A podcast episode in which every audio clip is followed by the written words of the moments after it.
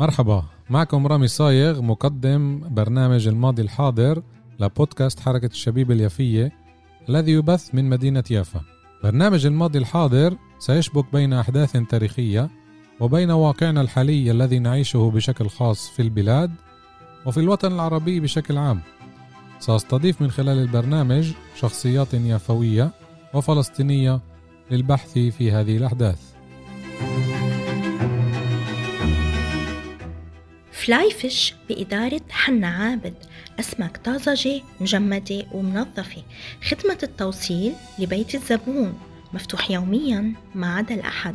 شارع سلمي 17 هاتف 03 933 2930 سناك روكا للسندويشات المتنوعة والصحية. تونة أجبان نقانق بسترمة على عدة أنواع و corned beef لذيذ جدا. إضافة إلى السلطات الغنية والشهية والمتنوعة. طلبات دليفري تصل على باب بيت الزبون في يافا يفتح كل الأيام ما عدا نهار الأحد من الساعة السابعة صباحا حتى الساعة الثانية بعد منتصف الليل. روكا شارع يفت 42 هاتف رقم 03 534 35 53 انستغرام روكا R O K A. مساء الخير مستمعاتنا ومستمعينا الكرام من أنحاء العالم.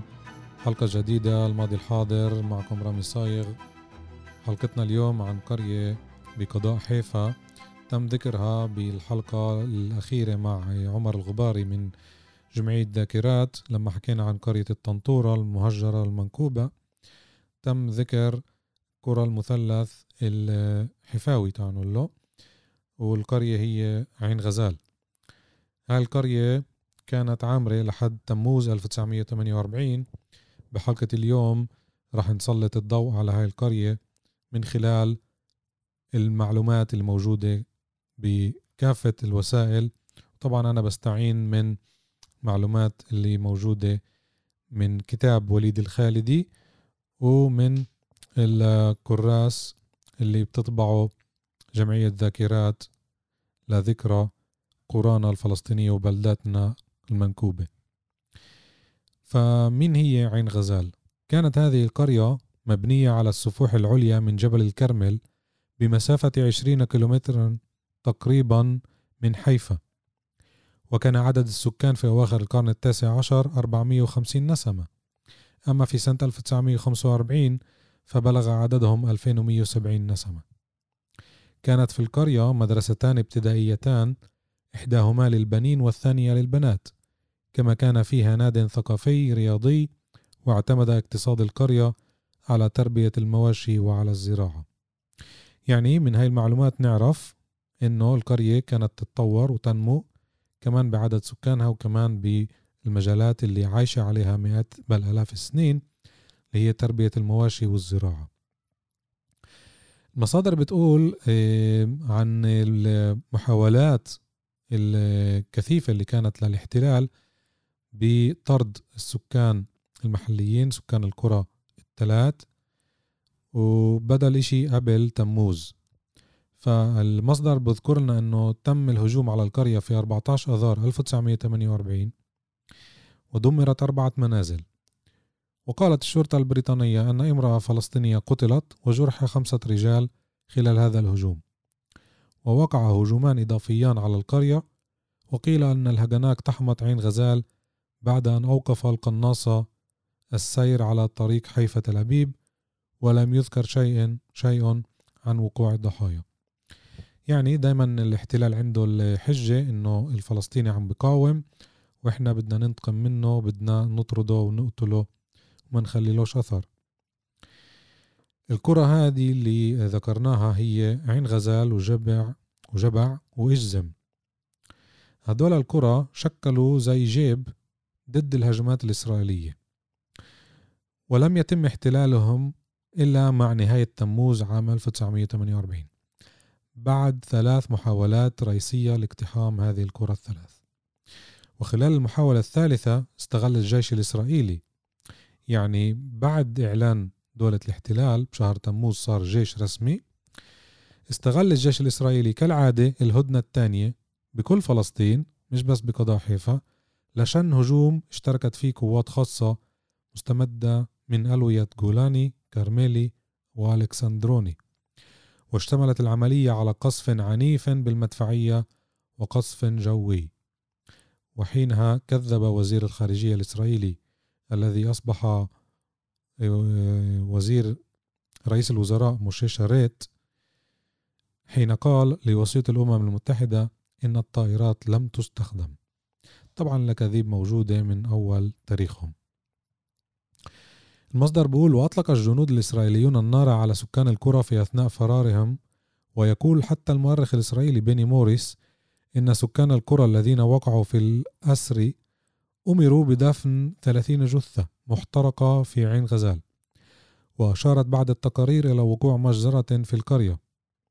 نفى الاحتلال ذلك وقال أن الجثث أحرقت لأنها أخذت تتعفن واعترف ضباط الارتباط الإسرائيليون لمراقبي الأمم المتحدة بمقتل تسعة, تسعة كرويين في عين غزال ولم تعثر الأمم المتحدة على أي أثر يدل على وقوع مجزرة لكن محققيها قدروا عدد القتلى والمفقودين من القرى الثلاث بمئة وثلاثين وندد حينها وسيط الأمم المتحدة الكونت فولك برنادوت السويدي بتدمير الاحتلال المنتظم المنتظم آسف لعين غزال وطلب من دولة الاحتلال أن ترمم المنازل التي دمرت وقال برنادوت إن 8000 شخص طردوا من القرى الثلاث وطالب بالسماح لهم بالعودة إليها غير أن الاحتلال رفض هذا الطلب. وكلنا بنعرف ليش رفض هذا الطلب لأنه الديموغرافية لليوم تلعب دور رئيسي ومركزي من أول ما أسسوا كيانهم لأنه إذا برجعوا العرب الفلسطينيين المشكلة الديموغرافية بتكمل طاردهم. يعني الكونت برنادوت مش محبة بالفلسطينيين طالب هذا الشيء إنما على أساس إنه في قانون دولي بيقول إنه في دولة عبرية وداخلها بدها تكون أقلية عربية فلسطينية ولازم يمشوا حسب هذا القانون. طبعا الاحتلال رفض هذا الشيء رفض من البداية أصلا إنه يكون في تواجد عربي ما يقارب ما يقارب ال 50% من سكان الدولة العبرية فاستغل هاي الفترات اللي بنحكي عنها فترات وقف اطلاق النار أو الهدنة لا يطرد ويقتل ويخرب قد ما بيقدر من بقايا أو من وجود الفلسطيني في بلاده. لفتني أنا موضوع الكونت برنادوت زي ما قلت السويدي الاصل وبفحص ل عن هذا الشخص إيش أعماله كانت. اتضح إنه هو كان من المسؤولين بالأمم المتحدة واللي عينته الأمم إنه يكون وسيط بعشرين أيار. يعني بعد ما أعلن إيه، بن غوريون عن دولة الاحتلال. وهذا أول وسيط دولي في تاريخ المنظمة يعني بتاريخ الأمم المتحدة. الهدف من مهمته كان وقف المواجهات بين الطرفين يعني قصده بين الفلسطيني والعبري ليش؟ زي ما قلت من قبل إنه همه كان إنه التنين يطبقوا قرار التقسيم اللي كان ب 29 نوفمبر تشرين الثاني عام 1947 هو اللي حقق الهدنة الأولى ب 11 حزيران 1948 وبعدين هو اللي دعا لمفاوضات رودوس هاي اللي أعطت الاحتلال المجال آه، بالاستراحة تعال نقول وبعدم آه، خوض معارك مع آه، دول الأردن لبنان سوريا العراق مصر كمان برنادوت كان له اقتراحات من أجل السلام قدمها ب 27 حزيران من عام 48 قدمها طبعا للأمم المتحدة. وذكر فيها عدة نقاط. راح أشدد على أهمها طبعا. واحدة من النقاط بتقول هيك تقع على عاتق كل عدو مسؤولية حماية الأماكن المقدسة والأبنية والمراكز الدينية وضمان الحقوق القائمة في هذا الصدد. طبعا بشددوا على الأمور الدينية بس طبعا فيها بنود كمان مش دينية. في واحد من البنود بيقول هيك لسكان فلسطين إذا غادروها بسبب الظروف المترتبة على النزاع القائم الحق في العودة إلى بلادهم دون قيد واسترجاع ممتلكاتهم. وهذا اللي طالبه برنادوت لما شاف إنه قرى المثلث الحفاوي تم تهجيرهم من قبل جيش الاحتلال الرسمي يعني عين غزال وجبع وإجزم. كمان نقطة كتير مهمة نلتفت لها هي بقاء القدس أورشليم القدس بأكملها تحت السيادة العربية مع منح الطائفة اليهودية في القدس استقلالا ذاتيا في إدارة شؤونها الدينية. شوفوا وين كنا ووين صرنا. يعني هنا كان في أولوية لتكون وتبقى القدس فلسطينية عربية. طبعا في بند على آه، ترتيب الحدود بين الدولة العربية الفلسطينية والدولة العبرية. بس طبعا هو آه، مش رجل آه، عسكري إنما سياسي ودبلوماسي كمان. وحاول يمشي القرارات القديمة اللي كانت على أساس إنه على أمل إنه يكون في دولتين.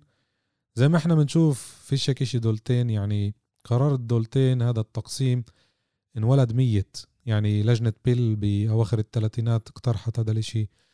الأمم المتحدة اقترحت ب 29 نوفمبر زي ما قلت سنة 47 اليوم السلطة الفلسطينية عم بتحارب على الدولتين مشروع الدولتين مشروع فاشل لعدة أسباب وكتير منها واضحة ليش. لأنه الأرض أرض واحدة لا تقسم والشعب لا يمكن أن يتجزأ. فلسطين أنا هاي بقولها مقولة أخذتها مش مني طبعا إنه أخذتها من لبنان. فلسطين أصغر من أن تبلع وأكبر من أن أكبر من أن تبلع وأصغر من أن تقسم. للأسف الكونت هذا تم اغتياله لأنه آراءه ما كانتش ملائمة مع آراء الاحتلال. وهذا الإشي أدى طبعا تدهور الأوضاع أكتر وأكتر بفلسطين فتم اغتياله من قبل الإرهابيين من منظمة إرجون اللي ترأسها مناحم بيجين اللي صار رئيس حكومة الاحتلال ومنظمة شتيرن برئاسة إسحاق شمير برضو اللي صار رئيس حكومة الاحتلال.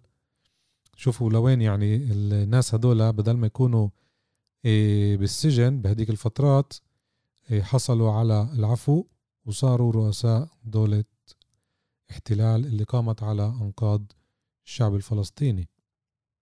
إيه عملية الاغتيال نفذت في 17 سبتمبر أيلول عام 1948 في القطاع الغربي لمدينة القدس يعني وين ما كان في السيطرة الإسرائيلية. فمات الكونت عن عمر يناهز 53 عاما إثر تعرض سيارته لإطلاق نار من قبل ثلاثة أشخاص ومات على الفور. شوف إيش صار ما بعد الاغتيال. معلومات شوي طلعت عن موضوع عين غزال بس هذه النقطة كتير مهم نعرفها. إثر عملية الاغتيال توجهت الشكوك نحو منظمة شتيرن وتم إيقاف أكثر من 250 عضوا في المنظمة خلال 24 ساعة. وتم حل منظمة شتيرن. وهيك كانت فيش منظمة لأنه الجيش توحد الجيش الإسرائيلي. في اليوم التالي ضمن مكافحة الإرهاب. حجة طبعا بس للرأي العام. أكد زيتلر المندوب المندوب تبع الأمم المتحدة أنه تلقى ضمانات من وزير الداخلية إسحاق جرونباوم الإسرائيلي يعني بأنه سيتم معاقبته من أجل إرضاء الرأي الدولي الدولي آسف وأنه سيتم العفو عنه لاحقا. يعني شوف الصفقة اللي كتير كتير وسخة. معلش بدي أقول هاي الكلمة. تم الحكم بالسجن على يالين مور وماتياهو شمولفيتس هدول المجرمين اللي قتلوه في الثاني من شباط عام 1949 بس, بس بتهمة الانتماء لمنظمة إرهابية ومش بسبب عملية الاغتيال. وتم إطلاق سراحهما بعد أسبوعين كما تم العفو عن جميع معتقلي منظمة شتير. يعني باختصار قتلوا القتيل ومشيوا بجنازته. هاي الجرائم لازم نشدد عليها. فمن قرية عين غزال وصلنا لموضوع كتير مهم نعرفه موضوع المؤامرات اللي كانت ضد شعبنا والتخاذل من كل الشعوب كمان من الحكام العرب ومش بس حكام العرب إنما من حكام الدول الأجنبية. إيش صار بالقرية اليوم؟ لم يبقى في موقع القرية سوى مقام الشيخ شحاد المتداعي وسيج الموقع مؤخرا لاستخدامه مرعى للمواشي. وقد أقيمت في سنة 1950 مستعمرة عوفر على أراضي القرية على بعد كيلومترين إلى الجنوب الشرقي منها. يعني اليوم أصبحت القرية زي آه، مكان خالي أو محمية طبيعية. على سيرة الهدنة اللي ذكرتها هي استمرت الهدنة الثانية ما يقارب الثلاث شهور. منذ دخولها حيز التنفيذ في 18 تموز وحتى تجدد تجدد المعارك في 15 أكتوبر تشرين أول. خلال هذه الفترة نفذ جيش الدفاع الإسرائيلي جيش الهجوم الإسرائيلي لازم نقول له عدة عمليات استهدفت إزالة تجمعات سكنية عربية فلسطينية معادية. حسب مصطلحاتهم طبعا. من مناطق داخلية ومناطق محاذية لخط الجبهة. العملية الكبرى من هذا النوع كانت هجوم وحدات عسكرية من الألوية الكسندروني كارميلي جولاني أو جولاني بالعبري في 24 25 و 26 تموز. على منطقة كان اسمها المثلث الصغير على السفوح الغربية لجبل الكرمل وفيها القرى الثلاث الكبيرة جبع وجزم وعين غزال. هدول القرى اللي ذكرناهم بحلقتنا عن قرية الطنطورة المنكوبة. كيف إنه هذه القرى الثلاثة قاومت لحد شهر تموز وأنا وقتها تذكرت برضه مدينة اللد كيف برضه هي قاومت لحد شهر تموز. في 18 يوليو قتل مسافران يهوديان قرب جبع. على أثر هذه الحادثة أنذر سكان القرى الثلاث بأن عليهم الاستسلام أو النزوح لكنهم رفضوا تلبية الخيرين على حد سواء. في 18 و 19 تموز شن جيش الدفاع الإسرائيلي أول هجوم على القرى ولكنه صد. بعد ذلك بدأت سلسلة من عمليات القصف بالقنابل والصواريخ على شكل متقطع وفي الرابع والعشرين من الشهر بدأ الهجوم النهائي الذي سمي بعملية شرطي. هاي هي الحقائق اللي بتحكي عن الجرائم وما بعد الجرائم اللي صارت خلال سنة ونص أو سنتين من قرار التقسيم أواخر عام 47 لحد احتلال آخر منطقة بفلسطين من قبل جيش الاحتلال الإسرائيلي اللي بسمي نفسه جيش الدفاع الإسرائيلي. حلقة قصيرة بس مركزة عن قرية صغيرة بنوجه التحية لكل المستمعين وخاصة لأهالي عين غزال المتواجدين طبعا بالشتات وبفلسطين بجوز جزء منهم بمنطقة شرق فلسطين بما تسمى الضفة الغربية. بشكر المستمعين والمستمعات من أنحاء العالم. إحنا بنتابع كل الملاحظات تبعتكم وبنشوف الدول اللي بتتابعنا وفي متابعات من خارج فلسطين وهذا الإشي بشرفنا. بشكر كل مين بدعمنا بالدعايات والإعلانات اللي بتسمعوها بأول الحلقة. بشكر طبعا الكاتبة رشا بركات على مساعدتها بنشر هاي الدعايات. وبأمل من أهالينا في مدينة يافا أصحاب المصالح يستمروا بدعم هذا المشروع اللي هو مشروع بودكاست حركة الشبيب اليافية. إحنا متواجدين على الفيسبوك بصفحتين صفحة بودكاست حركة الشبيب اليافية وصفحة حركة الشبيب اليافية. وكمان موجودين على التطبيقات Spotify Podbean Google و Apple. بتمنى إنه كانت هاي الحلقة مفيدة لجميعكم. لنا لقاء كمان أسبوعين. الله معكم.